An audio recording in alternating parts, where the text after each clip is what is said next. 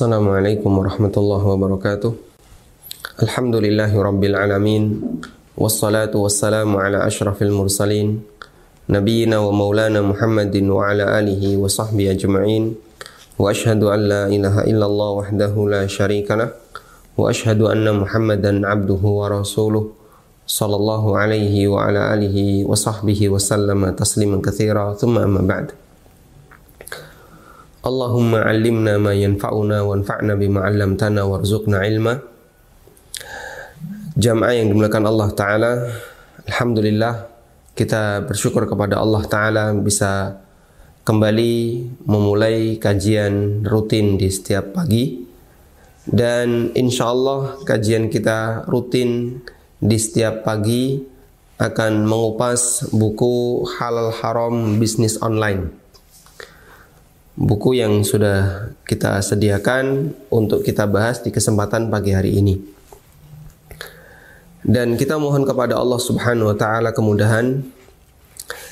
Billahi nasta'inu wa ilaihi natawakkal. Semoga kita bisa menyelesaikan pembahasan buku ini dengan detail sebagaimana kita telah menyelesaikan buku sebelumnya. Baik, kita langsung membuka bagian muqaddimah tentang fikih jual beli atau sebelumnya Anda yang sudah memiliki buku ini ada yang uh, edisi pertama dan ada yang edisi per, uh, edisi kedua. Sebenarnya uh, baik edisi pertama maupun kedua tidak ada perbedaan. Itu yang lebih tepat adalah cetakan, cetakan yang kedua. Untuk cetakan pertama ada sedikit kesalahan yang itu merupakan tipu yaitu di mukaddimah bagian mukaddimah Romawi yang ketujuh. Bagi Anda yang memiliki buku di cetakan yang pertama. Silakan dibuka mukaddimah Romawi 7 di poin yang keempat saya menyatakan Allah tidak lupa.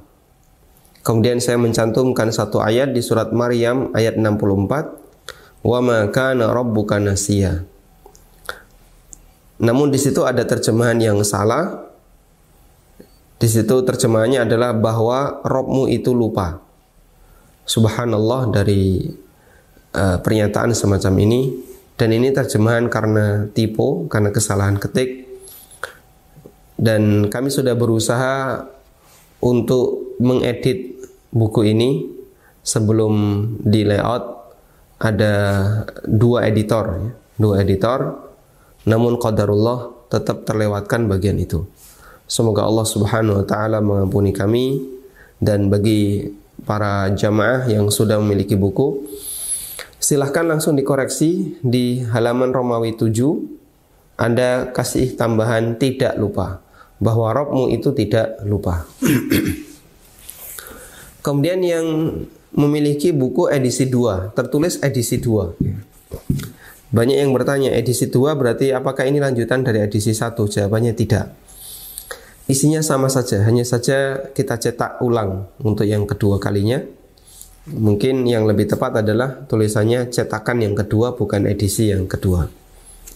Tayyib. Kita langsung mulai dengan membaca bagian mukaddimah. Di sini saya nyatakan harus Anda baca agar kita bisa memahami seperti apakah uh, metode yang digunakan oleh para asatidah atau oleh para ulama ketika membahas masalah yang sifatnya kontemporer. Saya sebutkan di sini bagian dari akidah yang wajib kita yakini bahwa setelah Nabi Shallallahu Alaihi Wasallam wafat, maka Allah tidak lagi menurunkan wahyunya. Karena wahyu hanya turun kepada Nabi. Sehingga begitu Nabi Shallallahu Alaihi Wasallam wafat, sudah tidak ada lagi wahyu yang turun.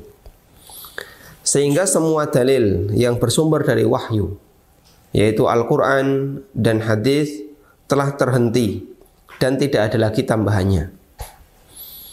Inilah yang menjadi alasan sebagian sahabat menangis. Beliau menangis karena wahyu tidak lagi turun. Yang dimaksud sahabat itu adalah Ummu Aiman seperti yang dialami oleh Ummu Aiman radhiyallahu anha yang menangis karena wahyu tidak turun. Anas bin Malik radhiyallahu anhu bercerita bahwa setelah wafatnya Nabi Shallallahu Alaihi Wasallam, Abu Bakar pernah mengajak Umar radhiyallahu anhu, mari kita kunjungi Ummu Aiman, sebagaimana dulu Nabi Shallallahu Alaihi Wasallam pernah mengunjungi beliau. Kemudian setibanya di tempat Ummu Aiman, beliau sedang menangis. Lalu dua sahabat mulia ini bertanya, Ma yubakiki, apa yang menyebabkanmu menangis wahai Ummu Aiman? Bukankah apa yang telah diberikan oleh Allah kepada Rasulnya Sallallahu Alaihi Wasallam adalah yang terbaik? Meskipun Nabi Sallallahu Alaihi Wasallam meninggal dunia, beliau mendapatkan balasan yang terbaik dari Allah Taala. Jawab Ummu Aiman, Ma abki alla akuna a'lam anna ma indallahi khairun li Rasulillahi sallallahu alaihi wasallam. Aku menangis bukan karena aku tidak tahu bahwa Allah Ta'ala telah memberikan yang terbaik untuk Rasulnya Sallallahu Alaihi Wasallam. Walakin abki annal wahya qad inqata'a minas sama. Namun aku menangis karena wahyu telah terputus dari langit. Sehingga karena wahyu itu terputus, maka Ummu Aiman sedih. Konsekuensi dari hal ini adalah Ketika wahyu sudah tidak turun lagi, maka tidak ada ayat yang baru dan tidak ada hadis yang baru. Karena itu siapa yang mengklaim ada ayat yang turun setelah wafatnya Nabi Shallallahu Alaihi Wasallam berarti itu Quran palsu. Sebagaimana klaimnya sebagian orang Syiah yang mereka mengatakan bahwa setelah Nabi Shallallahu Alaihi Wasallam wafat Jibril tetap turun untuk menyampaikan wahyu Al-Quran namun disampaikan kepada Fatimah radhiyallahu anha. Dan dalam rentang waktu sekian Quran yang diterima oleh Fatimah itu disimpan oleh Fatimah lalu dibawa oleh salah satu uh, cucu dan keturunan dari Fatimah masuk ke dalam gua yang disebut dengan gua Sirdab dan nanti akan muncul yang disebut dengan Mushaf Fatimah. Dan Mushaf Fatimah ini dirahasiakan sampai sekarang. Dengan alasan bahwa jika Mushaf Fatimah ini dimunculkan, maka nanti Ahlul Bait akan dibantai oleh kaum muslimin. Waliyadzubillah subhanallah dari apa yang dikatakan oleh orang Syiah ini yang berarti bahasanya Allah Subhanahu wa taala memberikan wahyu tambahan kepada Fatimah radhiyallahu anha setelah wafatnya Nabi sallallahu alaihi wasallam. Dan pernyataan Syiah ini cukup banyak bisa kita jumpai di internet. Bahkan dengan tegas mereka menyatakan bahwa Quran ini disembunyikan oleh uh, sebagian alul bait, sebagian dari imam mereka dan nanti akan dimunculkan di akhir zaman. Kita nyatakan bahasanya ini adalah akidah kekufuran dan siapa yang memilikinya maka dia telah keluar dari Islam. Tayyib. Dari sini kita mau menyatakan bahwasanya dalil dari Al-Quran maupun Sunnah itu sifatnya terbatas. Karena wahyu itu terbatas. Wahyu dibatasi dengan apa? Dengan wafatnya Nabi Sallallahu Alaihi Wasallam. Sehingga kita punya premis wahyu itu terbatas. Karena Nabi Shallallahu Alaihi Wasallam telah wafat, sehingga Al-Quran dan Sunnah itu ter, terbatas. Karena itulah dalil sifatnya terbatas. Dalil sifatnya terbatas. Tanya. Kesimpulan bahasnya dalil itu terbatas. Tidak semua orang menerimanya. Ada sebagian orang yang mau menerima dan ada sebagian orang yang tidak mau menerima. Saya pernah menyampaikan ini dalam sebuah workshop dan ada salah satu peserta yang dia penganut uh, gerakan tertentu. Saya sampaikan bahwasanya apakah dalil itu terbatas? Banyak peserta mengatakan iya dalil terbatas. Mereka setuju. Tapi ada salah satu peserta yang dia nggak setuju. Oh enggak dalil itu tidak terbatas. Konsekuensi yang menyatakan bahwasanya dalil tidak terbatas berarti ada wahyu yang turun setelah wafatnya Nabi Muhammad SAW dan itu tidak mungkin. Baik, kita tentu menolak uh, pendapat yang mengatakan bahwasanya dalil tidak terbatas. Berikutnya, saya menyatakan sementara itu realita di kehidupan kita menunjukkan bahwasanya kasus itu selalu berkembang. Selalu muncul kejadian yang baru yang tidak ada di masa silam. Sehingga kasus di alam raya ini sifatnya tidak terbatas. Anda tentu setuju dengan ini. Karena ini adalah realita dalam kehidupan. Semua orang tahu yang namanya kasus itu tidak terbatas. Kita tahu bahasanya di zaman Nabi Shallallahu Alaihi Wasallam nggak ada HP. Di zaman Abu Bakar nggak ada orang pakai Facebook. Di zaman orang, di zaman Umar bin Khattab radhiyallahu anhu tidak ada orang yang jualan di Shopee. Nggak ada marketplace.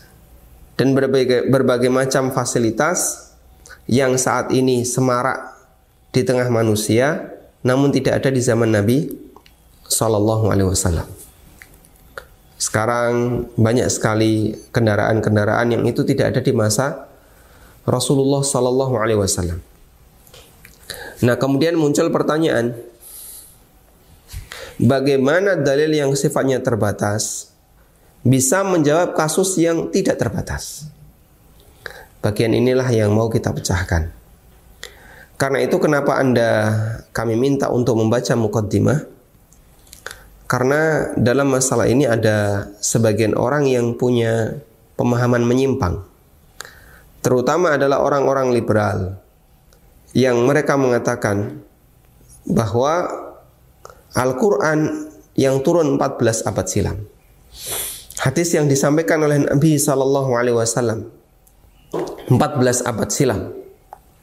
Sudah tidak lagi relevan untuk menjawab perkembangan zaman sehingga perlu dilakukan rekonstruksi atau dilakukan revitalisasi atau uh, istilah-istilah yang mereka buat agar bisa menghasilkan Islam yang sesuai dengan kondisi zaman.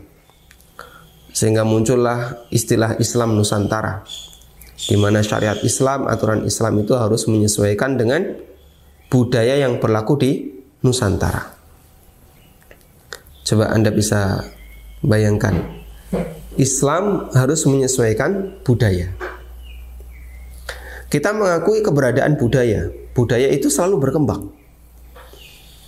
Budaya kita dulu, budaya orang Jawa dulu dengan budaya orang Jawa sekarang berbeda. Mungkin ya, budaya orang Jawa dulu ya, mereka sukanya main jaranan. Sekarang main pit-pitan. Budaya orang dulu mereka suka misalnya uh, apa mas misalnya uh, permainan tertentu. Sekarang sudah berubah. Lalu mana yang harus menyesuaikan? Budaya menyesuaikan aturan syariat ataukah syariat yang harus menyesuaikan budaya? Jawabannya budaya yang harus menyesuaikan aturan syariat sehingga bagian mana budaya yang boleh dilakukan dan bagian mana budaya yang tidak boleh dilakukan di situ orang harus bisa milih. Karena itulah dulu orang-orang kafir mereka mempertahankan budaya bahkan sampai dijadikan sebagai alasan untuk melawan para nabi. Sehingga ketika nabi itu berdakwah mereka menyampaikan inna wajadna aba'ana kadzalika yaf'alun kami jumpai bapak-bapak kami, nenek moyang kami melakukan seperti ini. Kenapa kami dilarang? Ya. Sehingga mereka beralasan dengan budaya untuk menolak dakwahnya para nabi. Dan tentu saja ini adalah alasan yang tidak benar karena aturan Allah Subhanahu wa taala lebih tinggi derajatnya dibandingkan aturan budaya manusia. Barangkali Anda yang pernah belajar masalah ilmu hukum tentu paham masalah ini ya. Bahwa aturan yang lebih tinggi tingkatannya dia harus dimenangkan dibandingkan aturan yang lebih rendah tingkatannya. Dan salah satunya adalah dilihat dari salah satu untuk mengukur ini aturan lebih tinggi atau lebih rendah adalah dilihat dari siapa yang memberikan aturan.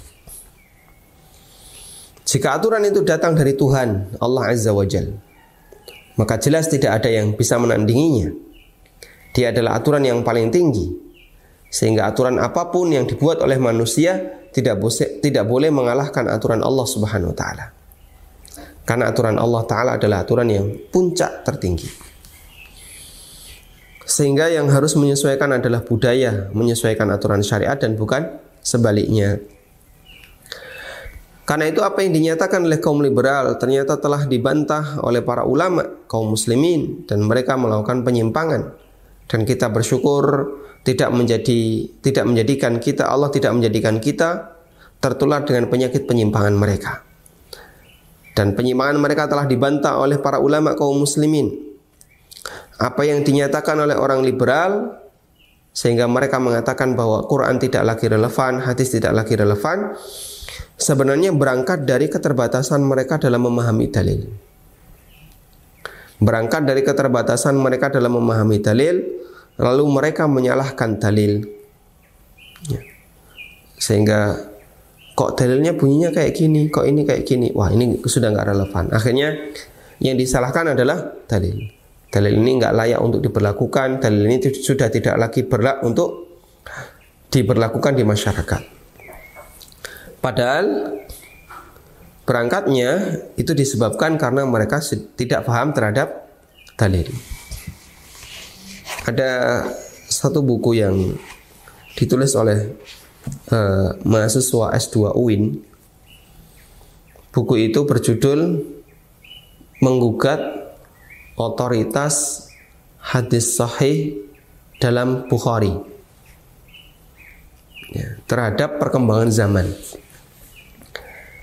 Jadi menurut beberapa orang UIN ada beberapa hadis sahih di Sahih Bukhari di kitab Bukhari yang dia nampaknya nggak nggak cocok dengan perkembangan zaman. Contohnya, uh, misalnya ada lalat yang masuk ke dalam air, uh, ke dalam minuman. Nabi Wasallam perintahkan apa? Sebelum diminum, celupkan dulu, kemudian baru dibuang. Setelah itu silahkan diminum. Menurut sebagian mereka, ini malah nggak nggak benar. Kenapa? Kalau dicelupkan itu justru bukan menghindari penyakit, tapi justru malah menambah penyakit. Dan mereka belum punya bukti apakah sayap satunya itu menjadi obatnya ataukah tidak ada obatnya. Contoh yang lain, jika ada anjing yang menjilati wadah yang basah, bejana, yang berisi air, maka untuk membersihkan wadah ini harus dicuci sebanyak tujuh kali. Salah satunya menggunakan tanah, air bercampur tanah. Lalu mereka komentar, ini aneh. Air bercampur tanah itu justru malah mengotori. Tapi ini kenapa dipakai untuk mencuci anjing yang menjilati atau mencuci wadah yang dijilati oleh anjing? Padahal kalau tujuannya untuk membersihkan, seharusnya di zaman kita cukup dengan menggunakan sabun atau disemprot dengan desinfektan. Dan komentar yang semisal. Termasuk misalnya Nabi Musa pernah debat dengan Adam yang itu disebutkan dalam Sahih Bukhari. Ini aneh. Kapan dia ketemu? Adam manusia pertama, Musa jaraknya dengan Adam sekian ribu tahun. Bagaimana mungkin bisa ketemu? dan hal-hal yang mereka sampaikan yang menurut logika mereka itu aneh. Padahal itu semuanya tidak aneh kata karena kita meyakini bahwasanya Allah Subhanahu wa taala Maha Kuasa atas segala sesuatu. Jika kita yakin bahwasanya Allah Maha Kuasa atas segala sesuatu, akan sangat mudah bagi kita untuk memahami setiap dalil yang menurut logika kita nggak masuk akal. Karena itulah apa yang disampaikan oleh orang liberal bahwa Allah Subhanahu wa taala atau Al-Qur'an yang turun 14 abad silam. Hadis yang disampaikan oleh Nabi sallallahu alaihi wasallam 14 abad silam. Tidak lagi relevan dengan perkembangan zaman. Sebenarnya pernyataan ini berangkat dari keterbatasan mereka terhadap dalil. Sehingga yang yang mereka salahkan adalah dalil Di tangan para ulama sunnah, aturan yang Allah sediakan dalam Al-Quran dan Sunnah bisa menjawab sebuah, semua kasus yang berkembang di masyarakat. Namun sayang, mengingat orang-orang liberal ini tidak belajar Islam dari para ulama, tapi mereka belajar dari orang-orang kafir, sehingga mereka tetap bertahan dalam posisi kerdil dalam memahami dalil. Sehingga mereka tidak mau menerima pernyataan dan keterangan dari ulama di hadapan orang liberal Anda membawakan fatwa misalnya Syekhul Islam Ibnu Taimiyah. Diketawain Mbak. Di hadapan orang liberal Anda membawakan fatwa Imam atau Syekh Ibnu Bas. Anda akan diketawain. Atau membawakan fatwa Lajnah Daimah atau Syekh Utsaimin Anda akan diketawain. Karena mereka menghina para ulama dan mereka menganggap para ulama tidak memahami dalil. Padahal hakikatnya adalah mereka sendiri yang tidak paham dalil. Ada salah satu kawan, beliau sudah meninggal rahimahullah, yang beliau mengambil doktoral di salah satu universitas Islam di Indonesia. Dan ketika beliau menulis disertasi, dalam disertasi itu beliau sampaikan karena beliau ini termasuk salah satu di antara asatidah uh, ahlu sunnah. Beliau sampaikan beberapa dalil yang bersumber dari Al-Quran maupun hadis. Kemudian sebelum presentasi tentu disodorkan dulu ke dosen pembimbing untuk dikoreksi. Apa komentar dosen pembimbing? Dia mengatakan referensi kamu itu semuanya referensi yang sudah kuno. Ini referensi sekian tahun yang lalu, ratusan tahun yang lalu, bahkan lebih dari seribu tahun. Karena penulisnya meninggal tahun 300 Hijriah, 300 sekian Hijriah, 200 sekian Hijriah. Ini referensi yang sudah terlalu kuno, nggak berlaku. Nah yang diinginkan apa? Ya pakai referensi yang lebih modern, ya. Pernyataan orang-orang barat. Pernyataan orang-orang Amerika. Itu referensinya. Ya. padahal ini jurusan agama ya. Ini jurusan agama. Sehingga dia membahas jurusan agama tapi referensi yang dipakai diminta untuk referensi yang sifatnya modern yaitu untuk orang-orang belakangan. Ya. Subhanallah Makanya benar seperti yang dinyatakan uh, bahwasanya orang liberal itu mereka anti terhadap Al-Quran dan hadis meskipun mereka menyatakan bahwasanya mereka adalah seorang muslim. Kemudian terdapat banyak dalil yang menegaskan bahwa aturan yang tertuang dalam wahyu Allah bisa menjawab semua masalah. Di antaranya Allah tegaskan di surat An-Nahl ayat 89. Allah Ta'ala berfirman, Wa nazzalna 'alaikal kitaba tibyanan likulli syai'in wa hudan wa rahmatan wa bushra lil muslimin. Aku turunkan kepadamu Alkitab tibyanan likulli syai' untuk menjelaskan segala sesuatu wa hudan wa rahmatan lil lil muslimin dan sebagai petunjuk, sebagai rahmat dan kabar gembira bagi kaum muslimin. Tolong Anda garis bawahi kalimat kami turunkan kepadamu Alkitab untuk menjelaskan segala sesuatu. Apa yang dimaksud segala sesuatu di sini? Yang dimaksud adalah segala sesuatu yang bisa mendatangkan kebahagiaan bagi manusia di dunia maupun di akhirat yaitu segala sesuatu yang dibutuhkan oleh manusia agar dia bisa hidup bahagia di dunia dan di akhirat. Ini dalil yang pertama. Dalil yang kedua, Allah jadikan Islam itu rahmat bagi seluruh alam. Sebagaimana dalam ayat di surat Al-Anbiya ayat 107, Allah Ta'ala berfirman, "Wa ma arsalnaka illa rahmatan lil alamin." Tidaklah aku mengutusmu wahai Muhammad kecuali sebagai rahmat bagi seluruh alam.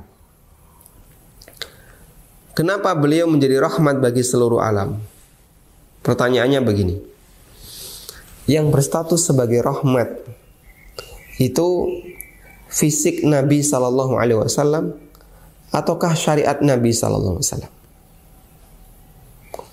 Allah mengatakan, tidaklah aku mengutusmu kecuali sebagai rahmat bagi seluruh alam. Nah, ketika Nabi Shallallahu Alaihi Wasallam diutus oleh Allah, Beliau berwujud fisik dan membawa apa yang diberikan oleh Allah Subhanahu wa taala berupa syariat. Pertanyaannya, yang menjadi rahmat bagi alam itu fisik beliau ataukah syariat beliau? Mungkin ada sebagian orang yang yang menjawab, yang menjadi rahmat adalah fisik beliau. Kita tidak menyalahkan jawaban seperti ini karena fisik Nabi Shallallahu Alaihi Wasallam itu rahmat. Dalam arti fisik beliau bisa dijadikan sebagai sumber tabarruk. Karena itu rambut Nabi Shallallahu Alaihi Wasallam yang dibawa oleh sahabat bisa dipakai untuk obat kemudian selimut Nabi Shallallahu Alaihi Wasallam yang beliau tinggalkan setelah beliau wafat dipakai oleh sebagian sahabat untuk pengobatan sehingga fisik beliau bisa menjadi uh, tempat untuk mengambil berkah. Ketika beliau wudhu, tetesan-tetesan air yang keluar dari jasad beliau dijadikan rebutan oleh sahabat kemudian diusap-usapkan di badannya. Nabi saw tentu melihat itu dan beliau biarkan. Ketika beliau meludah, ada yang nadai, kemudian diusap-usapkan di badannya. Beliau melihat itu dan beliau biarkan. Ketika beliau uh, melakukan aktivitas tertentu, kadang ada sahabat yang mengusap-usap tangan beliau, kemudian diusapkan ke badannya. Sebagaimana yang ini dilakukan oleh Nabi SAW setelah beliau sholat subuh. Ketika beliau berada di Mekah, beliau selesai sholat subuh, para sahabat berkerumun, kemudian menyalami tangan Nabi SAW selesai sholat lalu diusapkan ke badannya. Dan itu dijadikan dalil oleh sebagian orang dianjurkan untuk salaman setelah sholat. Padahal maksud sahabat ini adalah tabarruk. Karena mereka baru saja pertama kali ketemu Nabi Wasallam di musim haji. Sehingga begitu mereka melihat Nabi Wasallam selesai beliau sholat didatangi kemudian tangannya salaman terus diusap-usapkan. Dan itu gantian banyak orang. Ya. Yang itu hanya dilakukan ketika kejadian itu bukan rutin. Tayyib.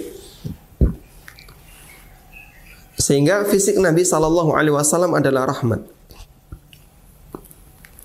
Namun dia sifatnya terbatas terbatas dengan apa terbatas dengan waktu dan tempat karena itu siapa yang mendapatkannya? Yang mendapatkannya hanyalah para sahabat yang hidup bersama beliau. Sehingga mereka yang berada di tempat yang jauh dari beliau nggak dapat manfaat ini. Mereka yang hidup setelah beliau wafat juga nggak dapat kesempatan ini. Yang bisa mendapatkannya hanya sahabat yang ketemu dengan Rasulullah Sallallahu Alaihi Wasallam. Berarti fisik beliau itu rahmat tapi sifatnya terbatas. Karena itu kalau pertanyaannya, mana yang lebih menunjukkan rahmat bagi seluruh alam? Fisik Rasulullah Sallallahu Alaihi Wasallam ataukah ajaran beliau? Jawabannya yang kedua. Karena ajaran Nabi Sallallahu Alaihi Wasallam itu menembus ruang waktu dan tempat, menembus dimensi waktu dan tempat tersebar ke seluruh penjuru alam. Sampai jarak yang sangat jauh Indonesia bisa mendapatkan manfaatnya. Sementara beliau pusat dakwahnya berada di Madinah. Sehingga tempat yang jauh sekalipun bisa terjangkau. Mereka yang tinggal di Amerika bisa mendapatkan hadis dari Nabi Sallallahu Alaihi Wasallam. Mereka yang tinggal di belahan bumi yang lainnya bisa mendapatkan hadis Nabi Sallallahu Alaihi Wasallam tidak dibatasi oleh waktu. Demikian pula tidak dibatasi oleh tempat. Dan itu yang menunjukkan bahasanya inilah rahmatan lil alamin yang sebenarnya. Karena itu jika orang menganggap bahwasanya wahyu sudah tidak lagi relevan dan hanya cocok untuk diterapkan di zaman Nabi Sallallahu Alaihi Wasallam, berarti itu sama halnya dia menganggap bahasanya wahyu itu telah gagal untuk menjadi rahmat bagi seluruh alam. Apabila orang liberal orang-orang liberal mengatakan bahwa wahyu sudah tidak lagi relevan bagi kehidupan manusia, Berarti itu sama halnya mereka mengatakan bahwa wahyu yang Allah turunkan gagal untuk menjadi rahmatan lil alamin. Tayyib. Kemudian yang ketiga, Allah Maha tahu dengan detail semua perbuatan hambanya. Karena dia mengetahui dan meliputi semua yang terjadi di alam raya ini. Allah Ta'ala berfirman, Ala innahu bikulli syai'im muhiyyatta. Ketahuilah bahasanya Allah Ta'ala maha meliputi segala sesuatu. Meliputi ilmunya, meliputi kekuasaannya. Sehingga tidak ada yang keluar dari ilmu Allah dan tidak ada yang keluar dari kekuasaan Allah. Semua telah Allah ketahui. Allah tahu apa yang telah terjadi. Apa yang sedang terjadi. Dan apa yang belum terjadi. Dan dia tahu bagaimana yang belum terjadi itu ketika berproses akan terjadi.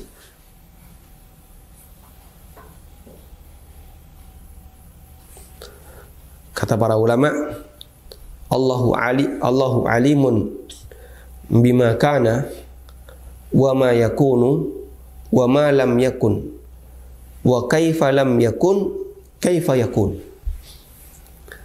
Allah Subhanahu wa taala tahu apa yang telah terjadi. Di masa silam Allah tahu semuanya. Wa ma yakun dan apa yang sedang terjadi. Wa ma lam yakun dan apa yang belum terjadi. Dan bagaimana yang belum terjadi ini kaifa yakun ketika dia akan terjadi.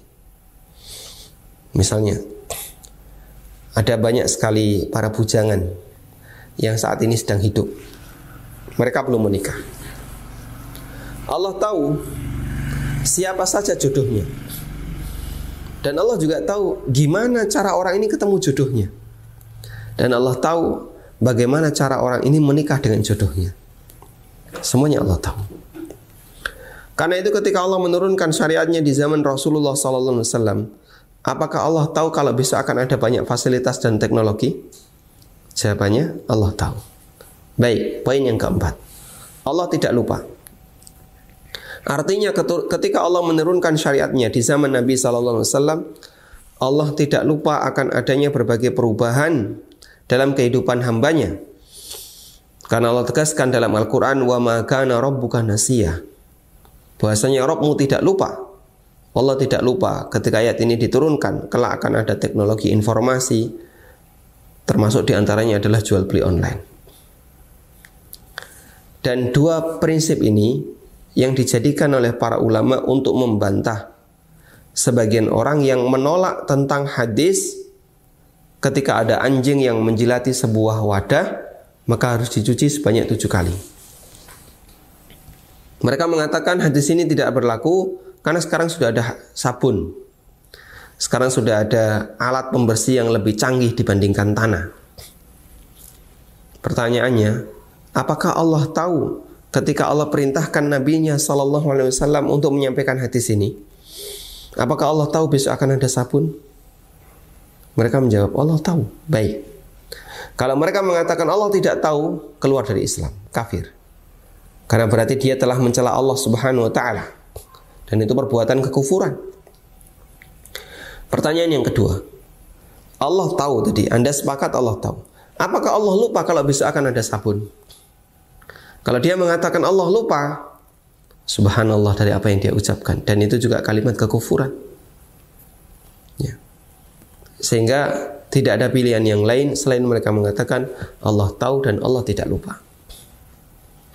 Jika demikian, maka Allah tahu kalau besok ada sabun Dan ketika Allah turunkan syariat ini Allah tidak lupa kalau besok akan ada sabun. Yang kelima, semua sebab yang bisa mengantarkan menuju surga dan menjerumuskan manusia ke dalam neraka telah dijelaskan oleh Nabi Sallallahu Alaihi Wasallam.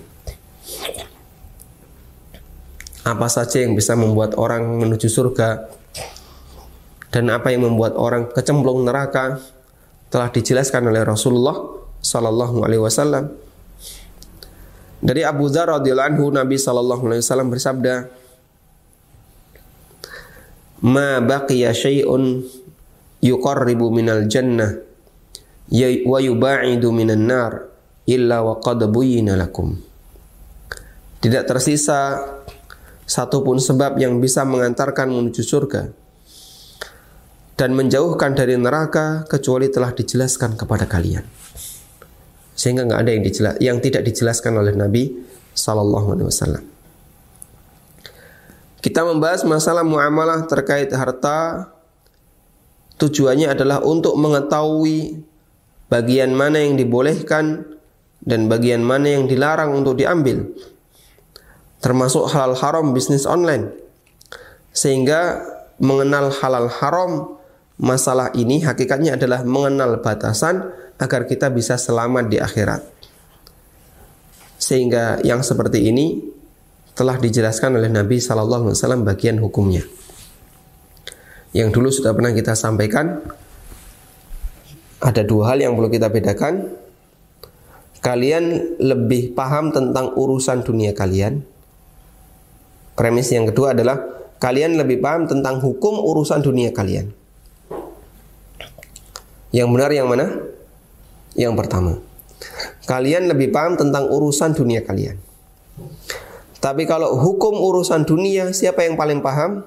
Nabi Wasallam. Nah, untuk masalah hukum urusan dunia, beliau telah jelaskan semuanya kepada manusia.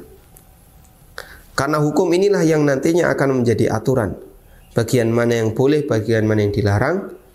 Sehingga jika orang ingin selamat dunia dan akhirat, maka dia harus mengikuti aturan ini.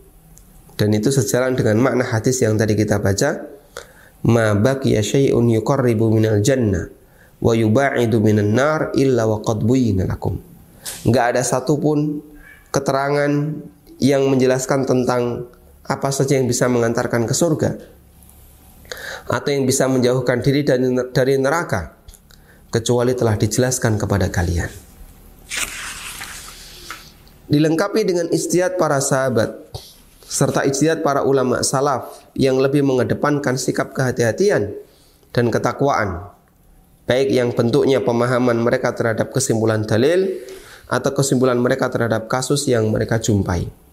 Dari situlah kita bisa mendapatkan uh, kesimpulan yang benar terkait sebuah kejadian yang sifatnya sama sekali tidak ada di masa silam. Wallahu taala alam. Nah, kemudian di bagian yang kedua saya membahas tentang cara ulama memecahkan kasus kontemporer. Yang di situ ada empat tahapan ya yang kita sebutkan. Dan insya Allah kita akan bahas bagian ini di pertemuan besok insya Allah taala. Demikian yang bisa kita sampaikan.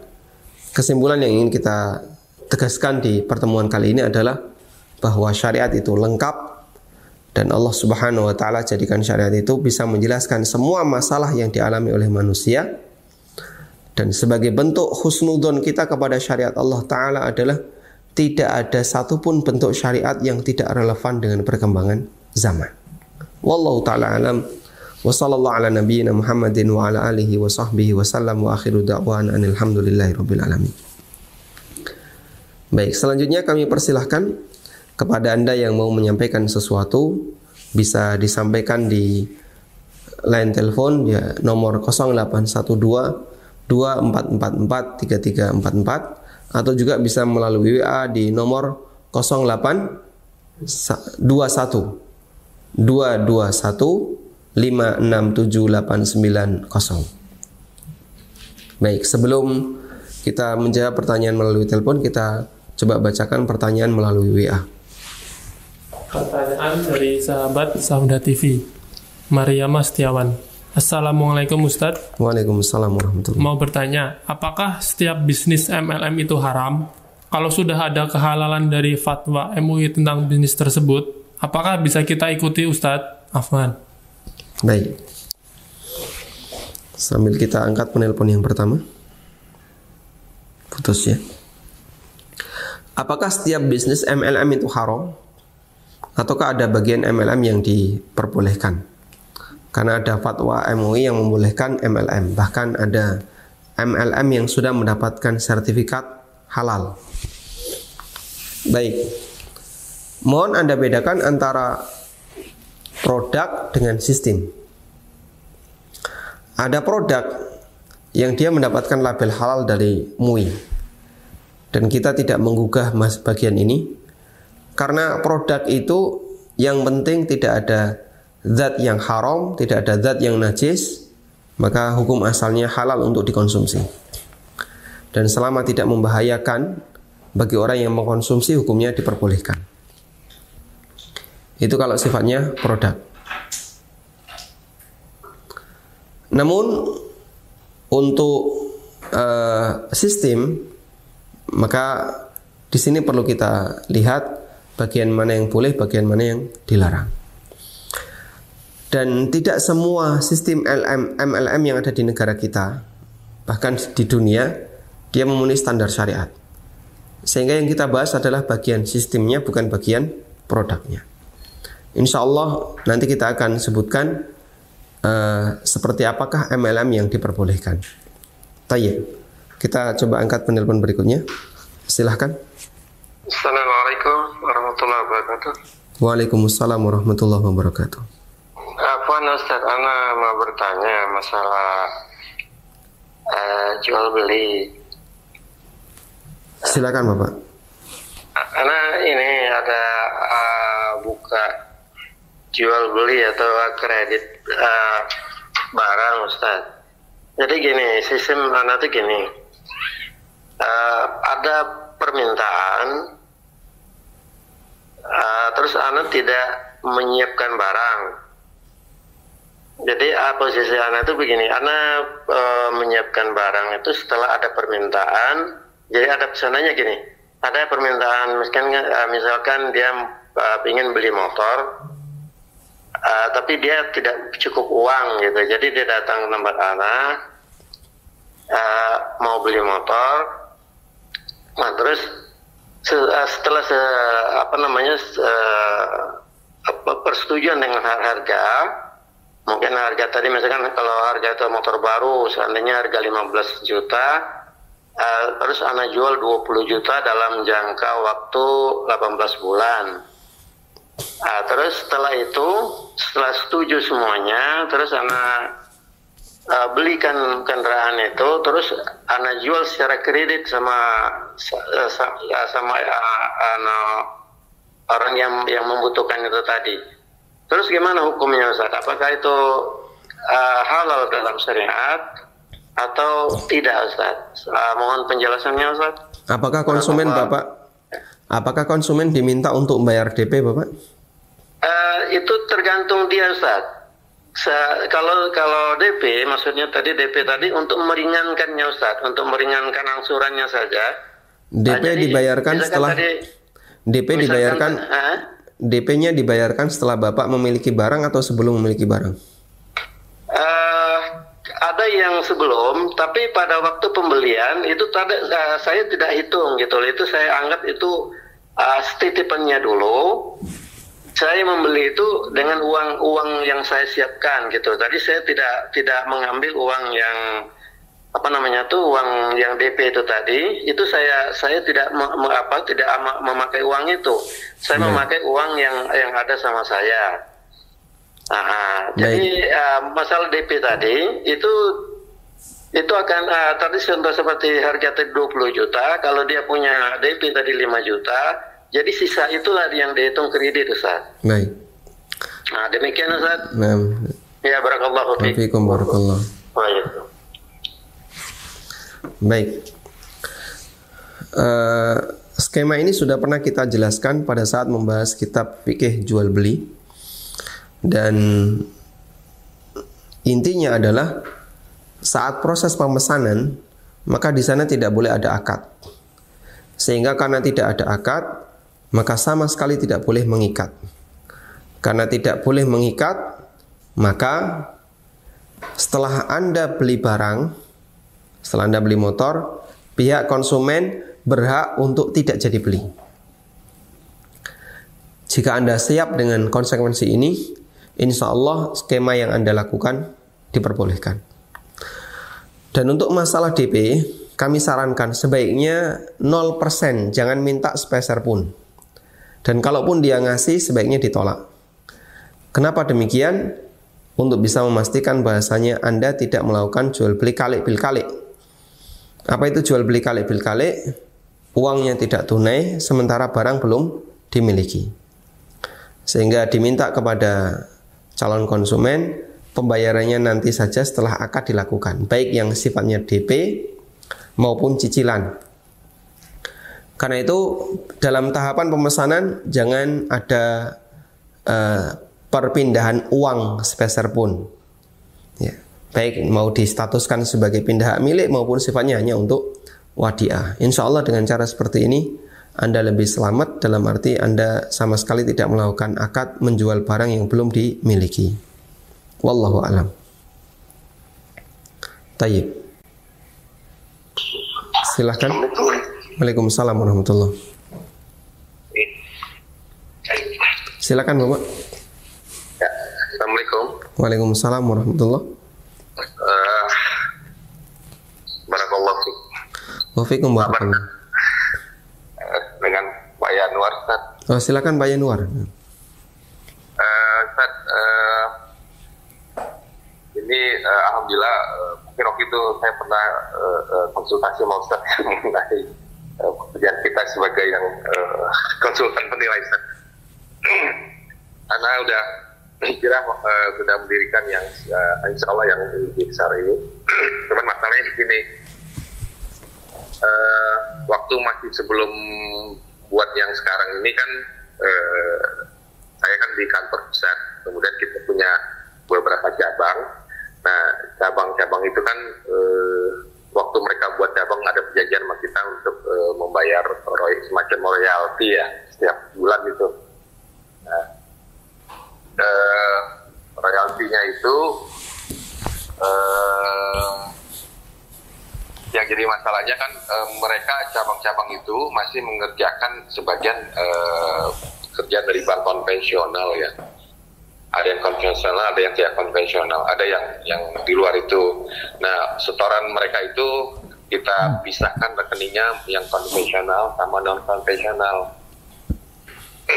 Nah, yang jadi masalah ini apakah setorannya itu eh, eh, halal atau tidak? Yang kedua, ada sisa yang masih pesat. Ini yang non yang yang konvensional itu belum eh, tidak kita gunakan masih tersisa sementara kita sekarang sudah mulai hijrah sudah membentuk yang baru yang tidak ada hubungan seperti itu lagi yang tidak mengerjakan yang konvensional kira-kira dana itu mau diapakan ya Ustaz? Baik. Cukup Bapak? Cukup. Nah.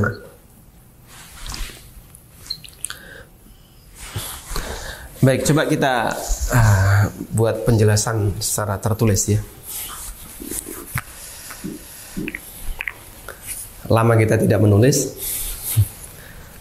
Tadi ada pertanyaan tentang MLM ya. Kapan sebuah MLM itu dikatakan memenuhi standar syariat dan kapan tidak memenuhi standar syariat? Tayyib. Dulu sudah pernah kita sampaikan bahwa inti larangan jual beli dan semua muamalah yang ada di sekitar kita itu jika di sana mengandung tiga pelanggaran. Ada unsur dolim, ada unsur riba, atau unsur goror. Nah di MLM itu yang dominan yang mana? Dolim, riba, goror. Pelanggaran yang paling dominan di MLM yang mana? Insya Allah nggak ada dolim. Kenapa? Mereka saling ridho.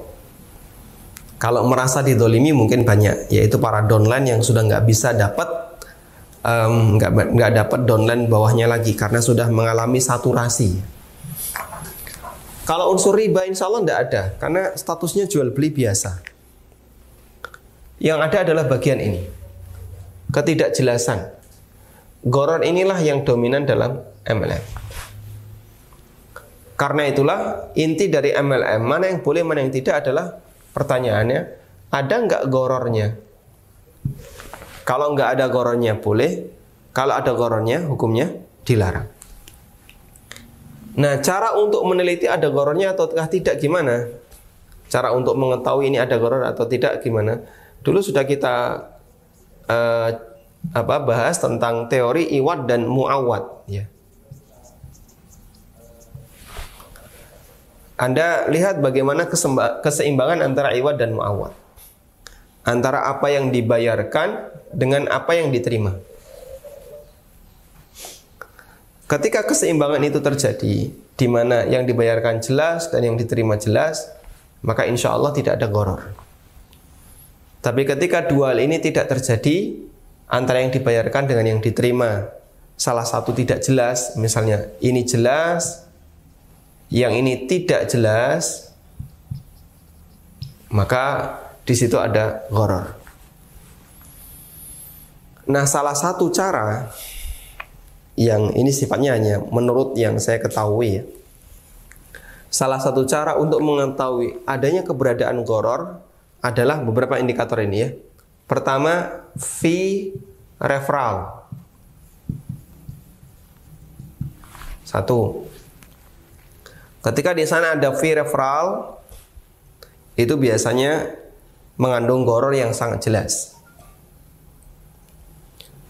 Yang kedua, yang kedua adalah ada fee dapat downline.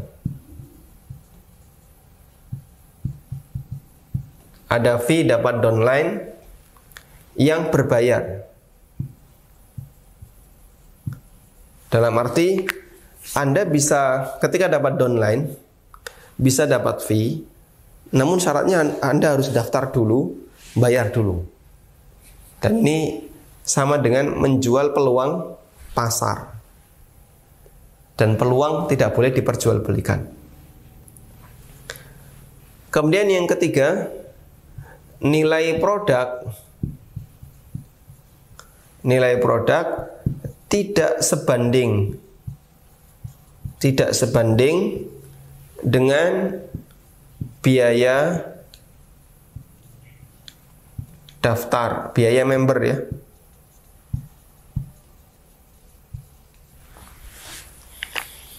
Misalnya, produknya sangat murah, tapi biaya membernya mahal. Kenapa orang mau untuk beli itu? Karena sebenarnya yang dia inginkan ini yang diinginkan adalah fee referral, fee referral atau fee dapat downline namun sifatnya berbayar. Dan jika ada tiga hal ini, maka Anda bisa nyatakan bahasanya MLM itu mengandung goror. Tapi kalau nggak ada ini, insya Allah tidak masalah. Ya. Misalnya kalau nggak ada itu gimana Pak? Tidak ada fee referral. Ya. Tidak uh, nggak ada fee dapat downline yang sifatnya berbayar nilai produk sebanding dengan biaya yang di uh, biaya daftar member misalnya. Maka insya Allah ini MLM yang diperbolehkan. Misalnya bayar 100 ribu. 100 ribu dapat apa misalnya? Uh, satu paket satu paket sembako. Kemudian Anda sekaligus diangkat sebagai agen. Insya Allah tidak masalah. Karena pemasaran berjenjang itu tidak dilarang. Pemasaran berjenjang tidak dilarang. Seperti kemarin yang sudah kita sampaikan, ada kasus yang diceritakan oleh Syekhul Islam. Ada dalal yang dia memiliki banyak tim dalal. Ya. Ini dalal-dalal bawahannya ini adalah tim tambahan yang dia miliki. Dan dalal sebagai orang yang memaklari penjualan barang, dia boleh mensabkon ke maklar-maklar yang lain. Dan seperti ini kata Syekhul Islam, selama diizinkan oleh tajir, tajir itu berarti pemilik barang, selama ini mengizinkan hukumnya diperbolehkan. Kalau nggak diizinkan, ulama beda pendapat apakah ini boleh ataukah tidak. Intinya pemasaran berjenjang itu tidak dilarang. Yang bermasalah adalah ketika ada orang yang mau memasarkan secara berjenjang, dia harus bayar dulu. Sementara ketika dia bayar, belum tentu bisa dipastikan apakah dia nanti bisa dapat fee ataukah tidak. Dan itulah yang menjadi sumber goror dalam MLM.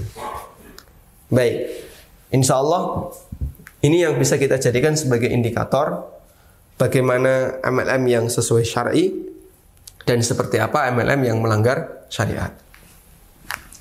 Selanjutnya kita akan bahas pertanyaan berikutnya tentang masalah tadi ya. Uh, tim penilai.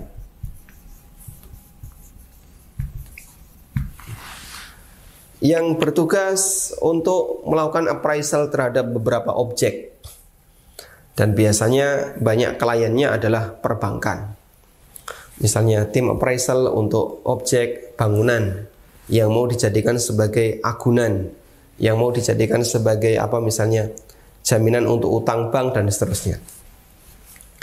Tim penilai ini sifatnya adalah menjual jasa. Dan orang yang menjual jasa maka prinsipnya prinsipnya adalah jasa yang harus halal. Yang kedua,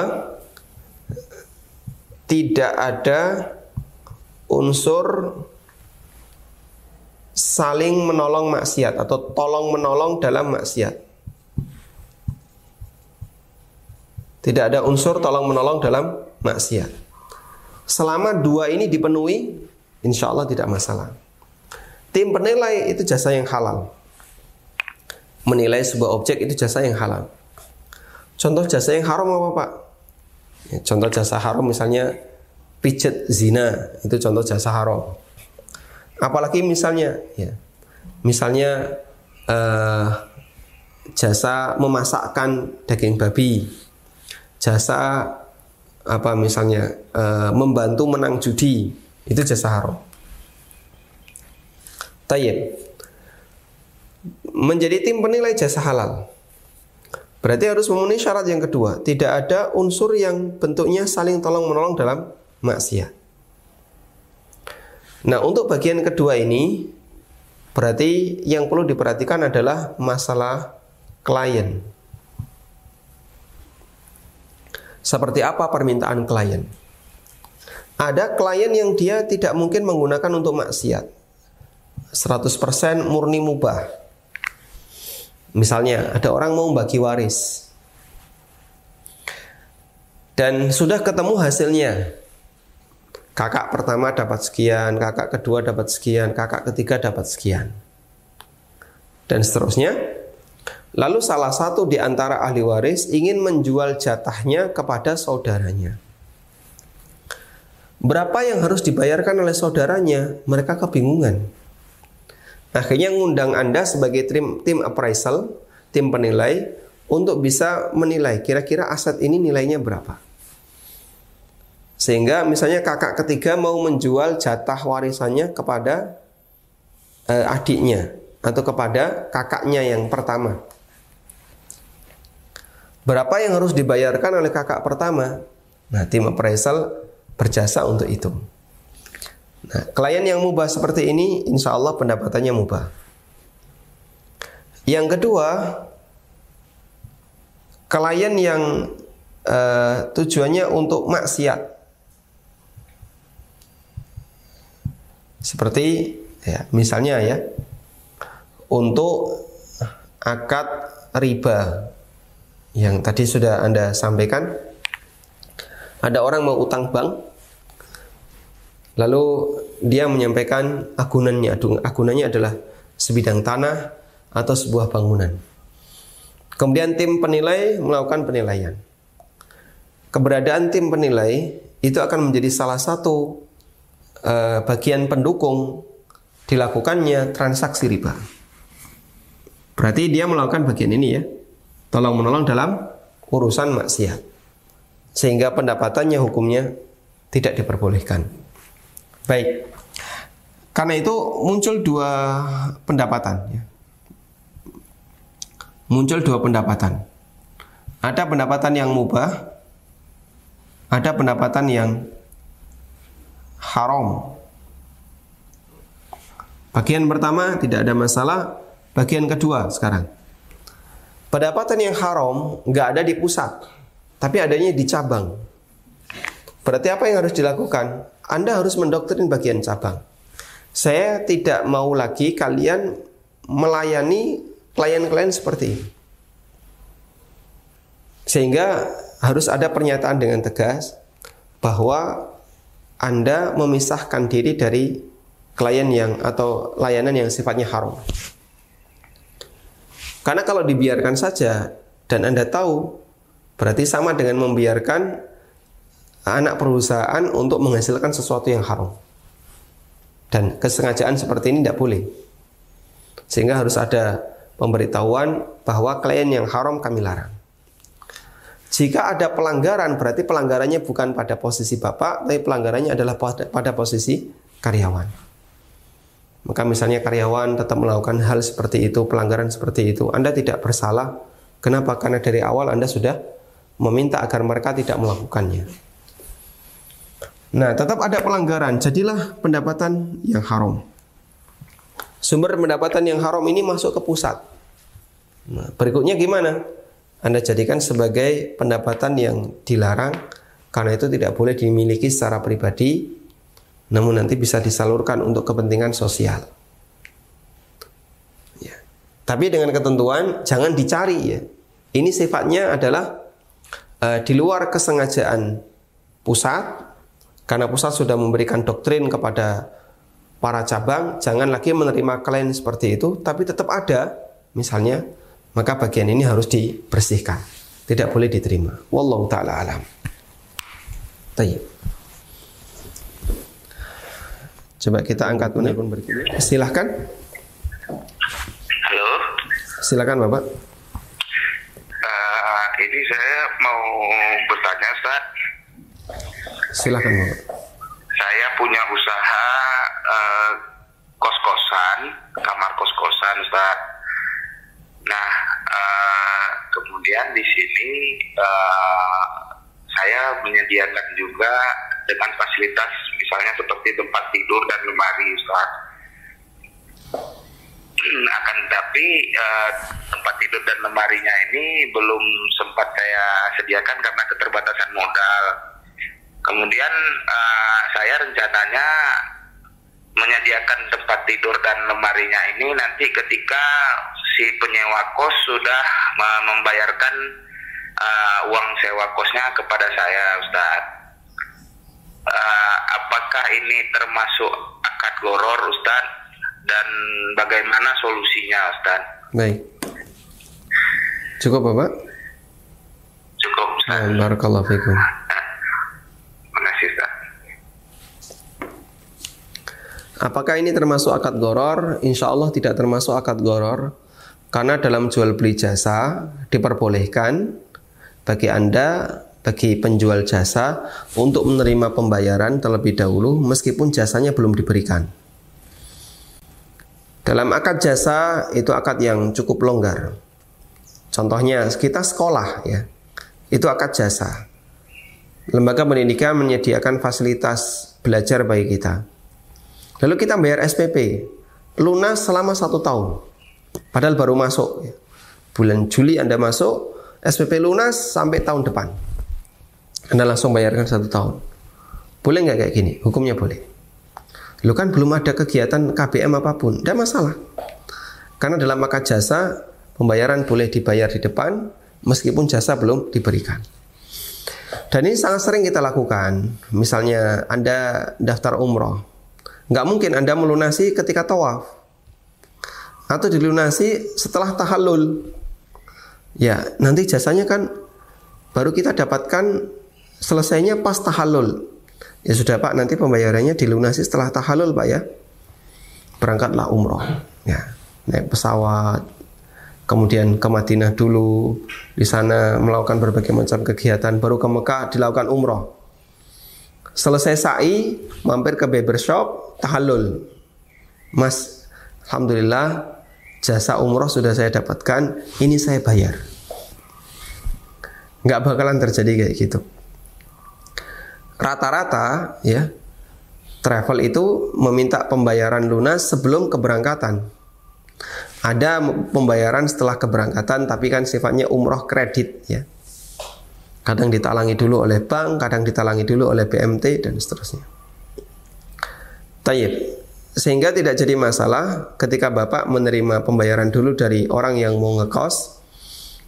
Kemudian hasil uang pembayaran itu Bapak gunakan untuk beli beberapa fasilitas seperti kasur atau perlengkapan yang lainnya, lemari dari uang yang sudah dibayarkan oleh orang yang mau, yang mau ngekos.